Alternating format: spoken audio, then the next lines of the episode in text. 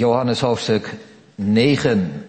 Het maakt deel uit van wat wel wordt genoemd het boek van de tekenen. We kunnen het Bijbelboek Johannes in tweeën verdelen. De eerste twaalf hoofdstukken bevatten vooral tekenen, wonderen. En dan vanaf hoofdstuk 13 komt de lijdensgeschiedenis met de woorden die Jezus sprak tijdens het laatste avondmaal in hoofdstuk 13 tot en met 17. Dan hoofdstuk 18 en verder het lijden en vanaf hoofdstuk 20 de opstanding. Dit hoofdstuk komt dus uit het boek van de tekenen en een van die tekenen zien we in de genezing van een blindgeborene. En in het voorbijgaan zag hij iemand die blind was van de geboorte af. En zijn discipelen vroegen hem, Rabbi, wie heeft er gezondigd, hij of zijn ouders, dat hij blind geboren zou worden? Jezus antwoordde, hij heeft niet gezondigd en zijn ouders ook niet, maar dit is gebeurd omdat de werken van God in hem geopenbaard zouden worden. Ik moet de werken doen van hem die mij gezonden heeft, zolang het dag is. Er komt een nacht waarin niemand kan werken. Zolang ik in de wereld ben, ben ik het licht der wereld. Nadat hij dit gezegd had, spuwde hij op de grond, maakte slijk met het speeksel en streek het slijk op de ogen van de blinde. En hij zei tegen hen, ga heen, was u in het badwater Siloam, wat vertaald wordt met uitgezonden. Hij dan ging weg en waste zich en kwam ziende terug. De buren dan, en zij die eerder gezien hadden dat hij blind was, zeiden, is deze niet die zat te bedelen? Anderen zeiden, hij is het. Weer anderen, hij lijkt op hem. Hij zei, ik ben het. Zij dan zeiden tegen hem, hoe zijn uw ogen geopend? Hij antwoordde en zei, een mens genaamd Jezus maakte slijk, bestreek mijn ogen en zei tegen mij, ga heen naar het badwater Siloam en was u. En ik ging weg, waste mij en werd ziende. Zij dan zeiden tegen hem, waar is hij? Hij zei, ik weet het niet. Ze brachten hem, die eerder blind was, naar de fariseeën. En het was Sabbat toen Jezus het slijk maakte en zijn ogen opende. Opnieuw vroegen nu ook de fariseeën hem hoe hij ziende geworden was. En hij zei tegen hen, hij legde slijk op mijn ogen, ik waste mij en ik zie. Sommigen dan van de fariseeën zeiden, deze mens is niet van God, want hij neemt de Sabbat niet in acht. Anderen zeiden, hoe kan een zondig mens zulke tekenen doen? En er was verdeeldheid onder hen. Ze zeiden opnieuw tegen de blinde, u dan, wat zegt u van hem, omdat hij uw ogen geopend heeft? Hij zei, hij is een profeet. De Joden dan geloofden niet van hem dat hij blind geweest was en ziende was geworden, totdat zij de ouders geroepen hadden van hem die ziende geworden was. En ze vroegen hun, is dit uw zoon, van wie u zegt dat hij blind geboren is? Hoe kan hij dan nu zien? Zijn ouders antwoordden hun, en zeiden wij weten dat dit onze zoon is en dat hij blind geboren is, maar hoe hij nu ziet, weten wij niet. Of wie zijn ogen geopend heeft, weten wij niet. Hij is volwassen, vraag het hem zelf. Hij zal voor zichzelf spreken. Dit zeiden zijn ouders omdat zij bevreesd waren voor de Joden. Want de Joden waren al overeengekomen dat als iemand zou beleiden dat hij de Christus was, hij uit de synagoge geworpen zou worden. Daarom zeiden zijn ouders, hij is volwassen, vraag het hem zelf. Zij dan riepen voor de tweede keer de man die blind geweest was en zeiden tegen hem, geef God de eer. Wij weten dat deze mens een zondaar is. En hij dan antwoordde en zei, of hij een zondaar is, weet ik niet. Eén ding weet ik, dat ik blind was en nu zie. En ze zeiden opnieuw tegen hem, wat heeft hij met u gedaan? Hoe heeft hij uw ogen geopend? Hij antwoordde hun, ik heb het u al gezegd, maar u hebt niet geluisterd. Waarom wilt u het dan nog eens horen? Wilt u soms ook zijn discipelen worden? Zij dan scholden hem uit en zeiden, u bent een discipel van hem, maar wij zijn discipelen van Mozes. Wij weten dat God tot Mozes gesproken heeft, maar van deze weten wij niet waar hij vandaan komt. De man antwoordde en zei tegen hen, er is toch iets wonderlijks in dat u niet weet waar hij vandaan komt en dat hij toch mijn ogen geopend heeft. We weten toch dat God niet naar zondaars luistert, maar als iemand Godvrezend is en zijn wil doet, naar hem hoort hij. Door de eeuwen heen is het niet gehoord dat iemand de ogen van een blindgeborene geopend heeft. Als deze niet van God was, zou hij niets kunnen doen. Ze antwoordden en zeiden tegen hem, u bent geheel in zonde geboren en onderwijst u ons. En ze wierpen hem de synagoge uit. Jezus hoorde dat zij hem uit de synagoge geworpen hadden en toen hij hem gevonden had, zei hij tegen hem, gelooft u in de Zoon van God? Hij antwoordde en zei, wie is hij, Heere, zodat ik in hem kan geloven? Jezus zei tegen hem, die u gezien hebt en die met u spreekt, die is het. En hij zei, ik geloof, Heere. En hij aanbad hem. Jezus zei, ik ben tot een oordeel in deze wereld gekomen, opdat zij die niet zien, zien zouden en die zien, blind zouden worden. Sommige van de fariseeën die bij hem waren hoorden dit en zeiden tegen hem, zijn wij dan soms ook blind? Jezus zei tegen hen, als u blind was, zou u geen zonde hebben. Maar nu u zegt, wij zien, zo blijft dan uw zonde. Tot zover. Ik neem nu als tekst vers 37 en 38. Jezus zei tegen hem, die u gezien hebt en die met u spreekt, die is het. En hij zei, ik geloof, heren. En hij aanbad hem. Waarom is geloven zo waardevol? Vanmorgen stelden wij de vraag, waarom is geloven zo belangrijk? Nu stellen we de vraag, waarom is geloven zo waardevol? Ten eerste staan we stil bij zien. Dat ligt voor de hand, want het hele hoofdstuk gaat daarover. Zien. Het tweede thema, tweede punt is Jezus zien. En de derde gedachte, te mogen zien. Waarom is geloven zo belangrijk? Ten eerste zien, het beeld dat hier gebruikt wordt van het zien. De tweede, Jezus zien, omdat dat nog wel de kern van dit hoofdstuk is, dat hij Jezus ziet en hem aanbidt. Ten derde, te mogen zien. Als we nou, deze zondag afsluiten en de dankbaarheid mogen uitspreken en mogen inzien wat het wil zeggen om te mogen zien. Gemeente, vanmorgen hebben we ook al bij dit hoofdstuk stilgestaan. Nu nog een keer. Het hoofdstuk is uh, lang genoeg. Er zijn ook voldoende uh, invalshoeken als het ware om dit hoofdstuk te benaderen. Komende donderdag hoop ik in reizen te spreken voor uh, jongeren op een toerustingsavond. En ik heb voor die bijeenkomst dit hoofdstuk um, gekozen. Ik hoop dan hierover te spreken. Dus zodoende dat ik ook voor vandaag hierover heb willen preken. Maar komende donderdag kies ik weer een wat ander, uh, andere invalshoek. Het thema zal dan zijn, hoe kan ik geloven? Maar de schrift is rijk genoeg en laten we nu aan de hand van die drie uh, kernwoorden, die punten die ik noemde, dit hoofdstuk nog een keer beluisteren. De man was blind en gaat zien. Zoveel zal duidelijk worden uit dit hoofdstuk. Hij was blind, hij kan zien. De man was blind vanaf zijn geboorte, zegt vers 1.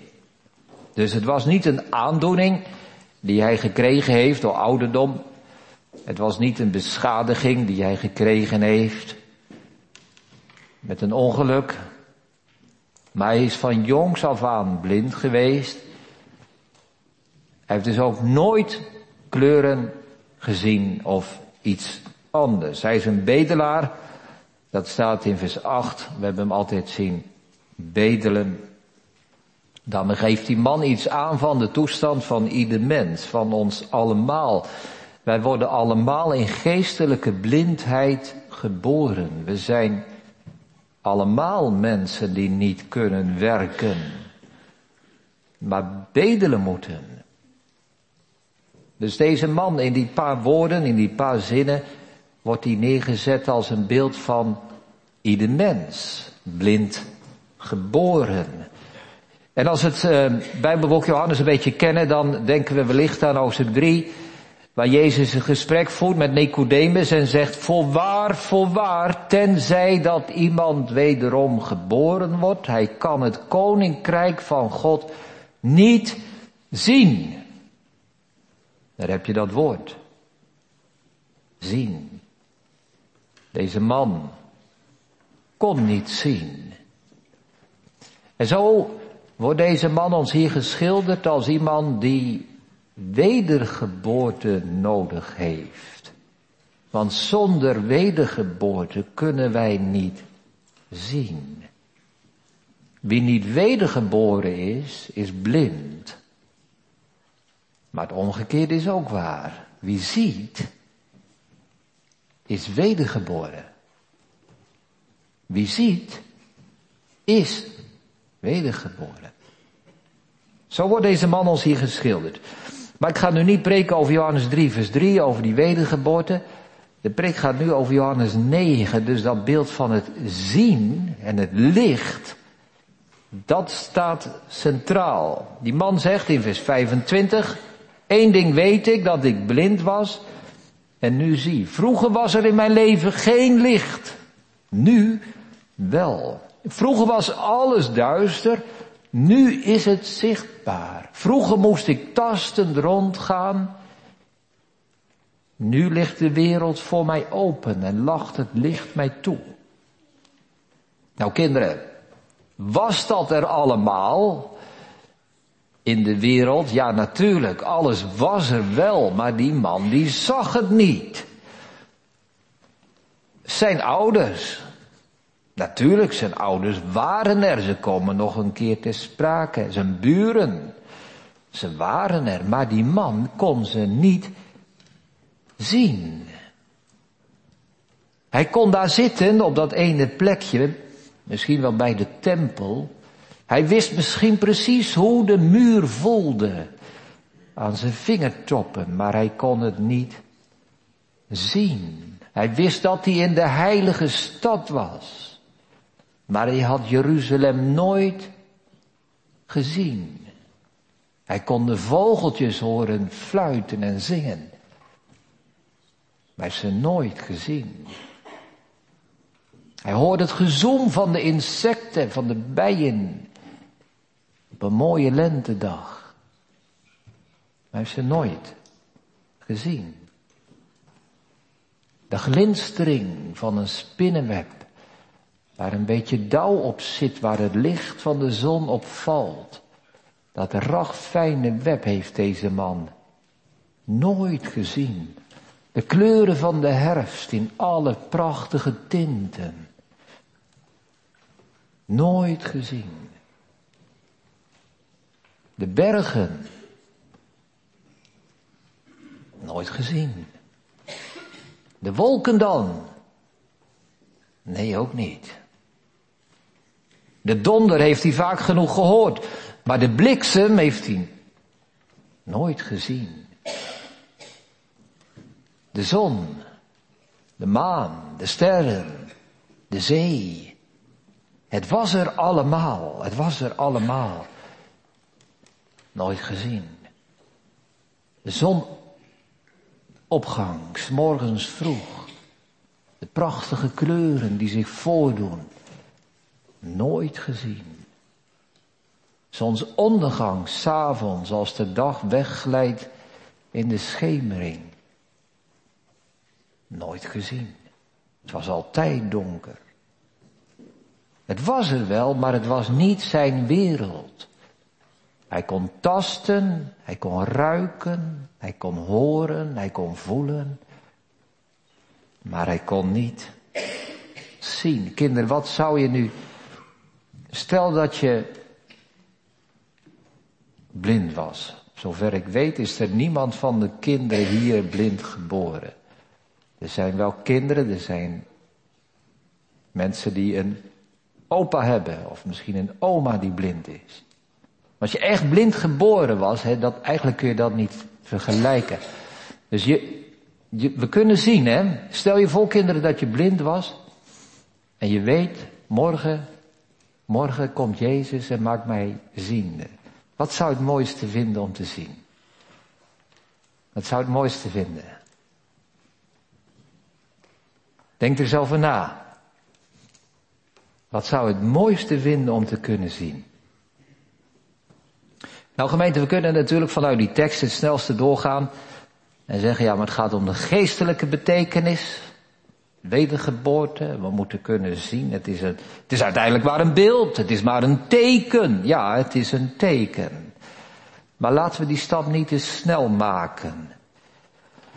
Want gemeente, wij zouden echt waar niet weten wat het wil zeggen dat Jezus het licht van de wereld is, als wij niet weten wat licht is. Wij zouden niet weten wat wedergeboorte is, daardoor wij kunnen gaan zien, als wij niet weten wat zien is. God is licht, er is totaal geen duisternis in hem, zegt Johannes. God is de bron van het licht. Ja, dat is waar. En toch gemeente, voor onze waarneming en voor onze geestelijke indrukken moeten wij beginnen bij wat wij zien en waarnemen bij deze wereld. En daar vandaan gaan wij begrijpen wat geestelijk blind zijn inhoudt. Dat geldt eigenlijk met bijna alles. Hè? Als we denken aan de heerlijkheid en de majesteit van God, weten wij wat majesteit is als we nooit bergen hebben gezien. En onder de indruk zijn geweest van de grootheid van Gods schepping. Daar leren wij wat heerlijkheid en grootheid is. En dan zegt de Bijbel, rondom Jeruzalem zijn bergen.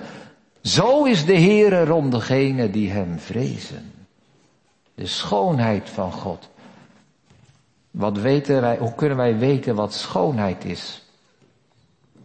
Als we nooit genoten hebben van kunst, van muziek.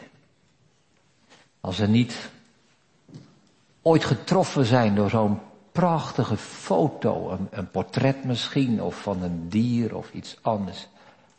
Denk, dit is mooi. Dit is adembenemend mooi. Dit is schoonheid. Ja, zegt de Bijbel, nu weet je wat schoonheid is. En nu hebben we het over de adembenemende schoonheid van God. De hoogheid van God. Dat weten wij, wat hoogheid is. Als je omhoog kijkt naar de sterrenhemel in een donkere nacht. Of de blauwe lucht ziet. En dan zegt de Bijbel, neem die gedachte over hoogheid en pas het toe op God. De liefde van God. Je voelt de liefde voor je man of je vrouw of voor je kinderen of voor je ouders, je vriend of wie dan ook. En dan gaan we de Bijbel lezen en dan zegt de Bijbel dat God liefde is. De zee, gemeente. Wij zien de zee. De diepte van de zee. En dan gaan wij begrijpen wat vergeving is, omdat God onze zonde in de diepte van de zee werpt. Nou, nu naar dit hoofdstuk. Zo spreekt dit hoofdstuk over licht. O grote Christus eeuwig licht, die heel de wereld bestraalt. Johannes 1 zegt, Ieder mens die in de wereld komt, komt in het licht van Jezus. Ik ben het licht van de wereld, zegt hij zelf in vers 5. Nou gemeente, dat beeld houden we vast. En dan kunnen wij blind zijn. Het is er allemaal en wij zien het niet. We zien het niet. Heel die werkelijkheid van God bestaat. Maar we zien het niet. We hebben geen idee wat het inhoudt. Wie wel gelooft, ziet alles in dat licht van God. C.S. Lewis heeft die prachtige uitspraak gedaan. Ik geloof in het christendom, zegt hij, zoals ik geloof dat de zon is opgegaan. Ik geloof niet daardoor alleen dat de zon bestaat, maar daardoor geloof ik alles wat ik zie in het licht van die zon. Nou, dat is het christendom, gemeente. Christendom gaat niet maar over één, één smal dingetje of zo. Daar hebben we het altijd over in de kerk, dat ene puntje. Nee, christendom gaat over alles. Het gaat over licht. En licht bestraalt de wereld. Waarom is geloven zo waardevol? De vraag boven de preek. Nou, als je tot geloof komt, gemeente, dan word je als het ware wakker in een andere wereld. Een wereld waar je vroeger wel in kon horen en voelen en ruiken en tasten, maar niet kon zien. Het is niet dat je door te geloven meer ziet, of scherper ziet en beter ziet, maar door te geloven zie je. Terwijl je voor die tijd blind was. Dat is het verschil. En dan, misschien herken je dat wel, als je tot geloof gekomen bent, dat je een ander die niet gelooft eigenlijk, eigenlijk niet meer begrijpt. Dan ben je zelf ook blind geweest. En die ander begrijpt jou niet. Ja, jij gelooft. Ja. Nou, het is ook zo, gemeente. Het is ook zo. De wereld is gelijk. De wereld is niet anders. Maar wie ziet, heeft toch als het ware een totaal andere werkelijkheid. Nog even dit over die mannen die zegt in vers 25, één ding weet ik dat ik blind was en nu zie. Nou zegt iemand, ja ik kan dat moment niet zo vertellen uit mijn leven. Die man wel, die wist het precies. Daar, onder water, in, uh, in uh, dat badwater. Daar ben ik gaan zien. En iemand zegt, maar ik weet dat niet. Moet ik ook zo'n moment aan kunnen wijzen? Nou, let op gemeente, de man zegt, één ding weet ik, dat ik blind was. En nu weet ik ook het moment dat ik ben gaan zien. Nee, dat zegt hij niet. Hij werd zelfs een beetje zat van die vraag van hoe is dat gegaan? Dat vroegen zijn buren hem, dat vroegen zijn ouders hem, dat vroegen de fariseeën en dat vroegen ze nog eens een keer. Hij zegt, hebben, hebben jullie niet geluisterd? Ik heb het toch verteld? Dat is niet wat die man wil vertellen, hoe dat allemaal gebeurd is en hoe dat gegaan is. Maar hij benadrukt het verschil. Vroeger zag ik niet en nu zie ik wel. En dat is voor ons belangrijk. Het gaat er niet om dat je moet zeggen, die dag, dat moment, daar en daar is het gebeurd dat ik wedergeboren ben. Het kan wel en dan mag je God ervoor danken. Maar je hoeft het niet te weten. Het gaat niet om het moment, het gaat om het zien. Dat je ogen open gaan, dat je ziende wordt en dat je zegt met Psalm 145, zijn goedheid ligt verspreid op al zijn werken. Ik zie God overal in. Nou, dat zegt deze man.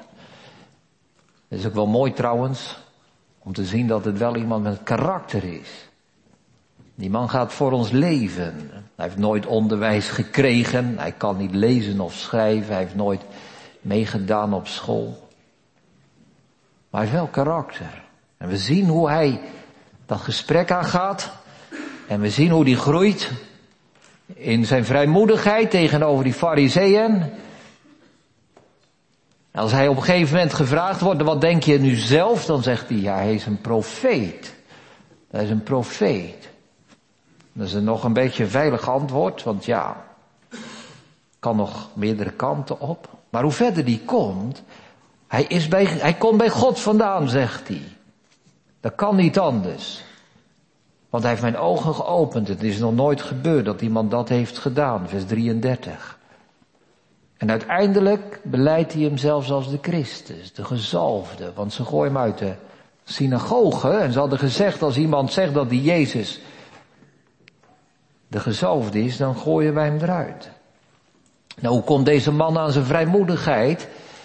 Hieraan gemeente, omdat hij zegt, heel veel dingen weet ik niet, maar één ding weet ik, dat ik blind was en nu zie.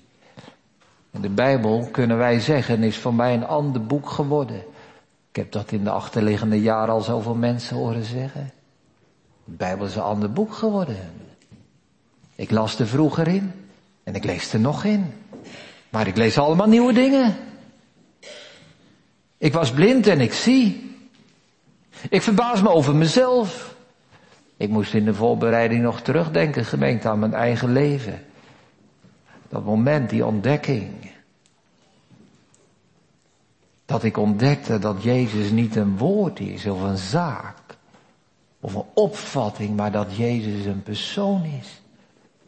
Altijd in de kerk gezeten, altijd de Bijbel gelezen. Mijn ogen gingen open.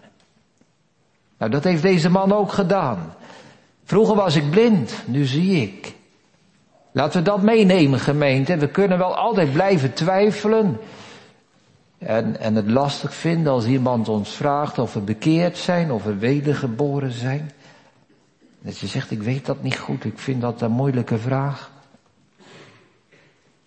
Nou, stop daar nu eens mee om daarover te twijfelen en zeg nu eens met deze man, vroeger was ik blind, nu zie ik. Het is alsof ik in een nieuwe wereld leef. Dat is waar, ook voor mij.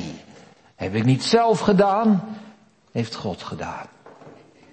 We gaan naar onze tweede gedachte. Jezus zien. Want we moeten niet blijven staan bij die woorden van vers 25, dat die man zegt, één ding weet ik, ik was blind en nu zie ik. Want de geschiedenis gaat verder. En hij heeft al een hoop gezien, maar Jezus nog niet. Dat is wel apart. Hij had hem gehoord, hij kende zijn naam. Iemand genaamd Jezus, zegt we zelf. Hij heeft hem niet gezien. Want hij was gegaan naar dat badwater, hij had zich gewassen en hij kwam terug. Hij kon zien, maar Jezus was er niet meer. Dus hij heeft zijn ouders gezien en zijn buren en de fariseeën en van alles, maar Jezus heeft hij niet gezien. En dan vervolgens, als Jezus hem opzoekt, en die twee hebben een gesprek, dan stelt hij ook die vraag in vers 36. Wie is hij, heren? Zodat ik in hem kan geloven. En Jezus zei tegen hem, die u gezien hebt en die met u spreekt, die is het. En dan zegt hij dat. Ik geloof, heren, en hij aanbidt hem. Hij geeft hem goddelijke eer. Hij valt voor de Zoon van God op zijn knieën neer.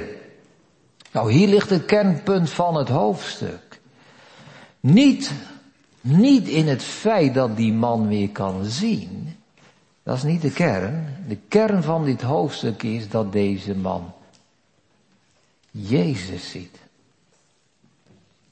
Jezus ziet. Dat is de kern van het hoofdstuk. Daarom heb ik ook vers 37 en 38 als kerntekst genomen, niet vers 25. Ik weet het wel, er zijn mensen die zeggen op grond van, van dat verschil, hè, dat hij dat die pas aan het einde van dat hoofdstuk Jezus ziet, beleidt. Er zijn mensen die zeggen, ja zie je wel, het begint niet met Jezus. Hè? Het begint niet met Jezus, dat komt pas verderop.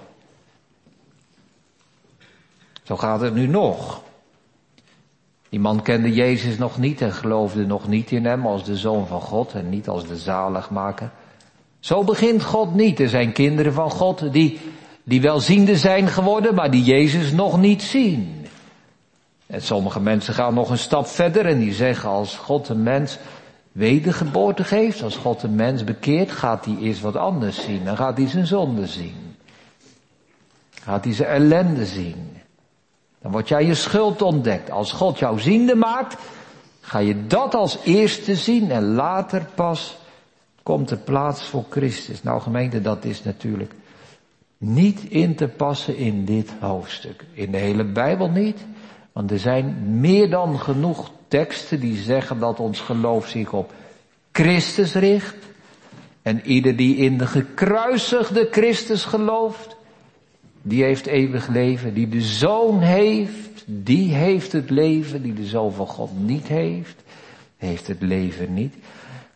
Maar binnen dit hoofdstuk past dat ook niet. Want toen die man, toen die man door Jezus genezen was en ziende was geworden, wat ging hij toen zien? Ging hij toen zien dat hij blind was? Nee, want hij was niet meer blind. Ja, dat is een beetje open deur, maar dat is wel heel belangrijk. Toen die man ziende werd, ging hij zien. En ging hij niet zeggen dat hij verloren lag en dat hij blind was, maar dat hij zag. En daarmee bedoel ik niet gemeente dat kennis van zonde en van ellende onbelangrijk zou zijn. Dat wordt soms zo dan snel gezegd. Maar dat is niet waar. Als God ons laat zien, laat Hij ons Jezus zien. Ja, we zeggen iemand nog steeds, begint het niet met Jezus. Waarom, waarom dat verschil? Hij had al zoveel gezien voordat hij Jezus ziet. Nou, dat is waar. We lezen dit hoofdstuk als een geheel. Vanmorgen 41 versen gelezen, nu weer, maar het is wel belangrijk. Ik kon mij herinneren dat ik vroeger, misschien wel 25 jaar geleden, ooit een prekenserie hoorde over dit hoofdstuk. En die dominee die maakte er drie of vier preken van. En dan las hij telkens een stukje. Dus die eerste preek ging over blind zijn. En pas de laatste preek ging over, over de Heer Jezus. Maar dat moeten we niet doen. We lezen het hoofdstuk als een geheel. En dan is dit hoofdstuk net, net als met een goed boek, hè, kinderen. Als je een spannend boek aan het lezen bent, hoe dichter je bij het einde komt, hoe spannender het wordt. En vlak voor het einde, daar, daar heb je het hoogtepunt van het boek. Dat is het spannendste moment. Nou, dat is hier ook. Het loopt uit, het loopt toe op dat moment dat die man Jezus ziet en hem aanbidt. Dat is niet omdat dat nog een stukje achteraan komt als we het hoogtepunt al hebben gehad, maar dat is het hoogtepunt. En dat is voor ons ook zo gemeente. Waarom is wedergeboorte belangrijk? Om Jezus te zien. We moeten geloof en wedergeboorte dicht bij elkaar houden. En waarom is het belangrijk om Jezus te zien? Wel, wie Jezus ziet, heeft God gezien. Dat is de kern. Wie Jezus ziet, heeft God gezien. Wie mij gezien heeft, zegt Jezus, Johannes 14, heeft de Vader gezien. Johannes 1 vers 18 zegt het al, niemand heeft ooit God gezien. Maar de enige geboren zoon, de zoon van God, zoals Jezus zichzelf noemt, in de schoot van de Vader is, die heeft hem ons verklaard. Toon ons de Vader, vroeg Filippus. Ben ik al zo lange tijd bij u, vraagt Jezus. Heb je dit nog nooit ontdekt? Is dat bij u, bij jou ook zo? Heb je dit nu nog nooit ontdekt misschien? Al zo lang in de christelijke kerk. Maar wie Jezus ziet, gemeente, heeft God gezien. Als je wil weten wie God is, moet je naar Jezus kijken. Als je wil weten welke eigenschappen God heeft, moet je naar Jezus kijken. Als je afvraagt of God wel liefde is, in deze wereld vol ellende, dan moet je naar Jezus kijken en dan zie je God zelf. De zoon van God die God zelf is en is gebleven. Dus deze man, hè, die ziet Jezus, zijn milde handen, vriendelijke ogen. En die beseft dat hij oog in oog staat met God. Doen wij ook. Als we aangevochten worden en denken dat God zo grillig en onvoorspelbaar is, als je soms denkt, ik weet niet of ik God wel kan liefhebben, want ik vind God zo hoog en ver. Dan moet je naar Jezus kijken. Ja, maar God is toch meer dan Jezus? Ja, God is misschien wel. Nee, God is niet meer dan Jezus. God heeft zichzelf volledig en volkomen geopenbaard in de Heer Jezus. Er is niet soort, een soort verborgen God nog achter Christus. Er is niet soort nog een heilige God achter Jezus. Maar deze man ziet Jezus en dan ziet hij God. Zoals Thomas een aantal hoofdstukken verder hetzelfde zal beleiden. Mijn Heere, mijn God. En daarom moeten wij Jezus zien. Die man aanbad hem. Hij geeft hem goddelijke eer. Hij valt voor hem neer op zijn knieën. Hij aanbidt Jezus zoals je God aanbidt. Ja, maar hij aanbidt ook God. En hij geeft hem goddelijke eer. En dat zal onze toekomst zijn, zegt 1 Johannes 3. Dan zullen wij hem zien. Als wij sterven, gemeente, en in de eeuwigheid komen en onze ogen opslaan, dan zien wij Jezus. Ik moest Ik moest in de voorbereiding denken aan een verhaal wat ik ooit hoorde over een jong meisje. Ze was blind. En ze kon niet genezen. Ze kon niet weer ziende worden. Ze wisten de rest van mijn leven blijf ik blind. Maar ze was toch blijmoedig.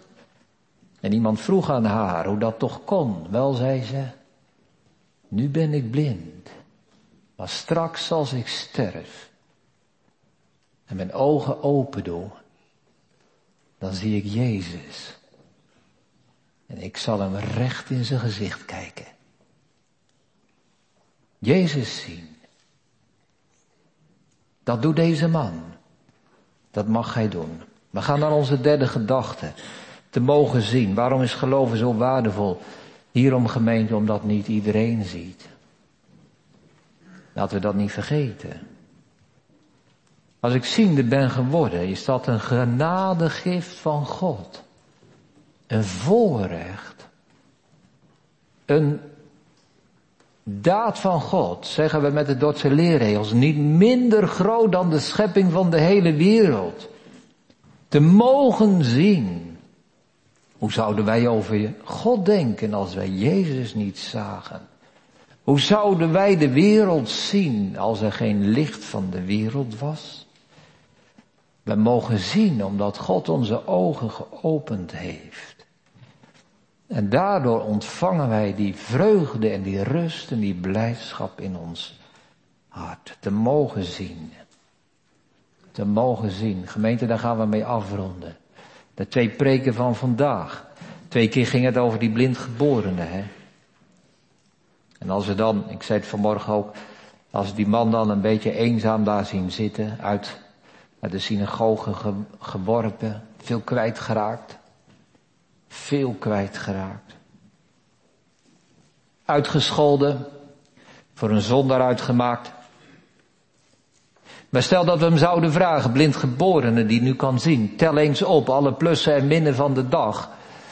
Wat komt er op je rekening te staan? Is het winst of verlies? Nou, winst. Winst. Want hij mag zien. Hij mag Jezus zien. Ik was blind, maar nu zie ik. Wij verkeren ook midden in het leven. Het is waar gemeente, de preken van vandaag lossen onze problemen niet op. Misschien mag je hier even zitten, even de dingen loslaten, even luisteren naar het woord van God. En dan zo meteen, dan kom je thuis of misschien al onderweg, dan wachten je problemen je weer op. Problemen zijn heel geduldig. Problemen zijn heel trouw. Die wachten wel. Is het leven nu anders geworden nu je vandaag in de kerk bent geweest? Is het beter geworden? Is, is geloven nu waardevol? Wat heb ik er uiteindelijk aan? Nou, dit gemeente, wij mogen zien.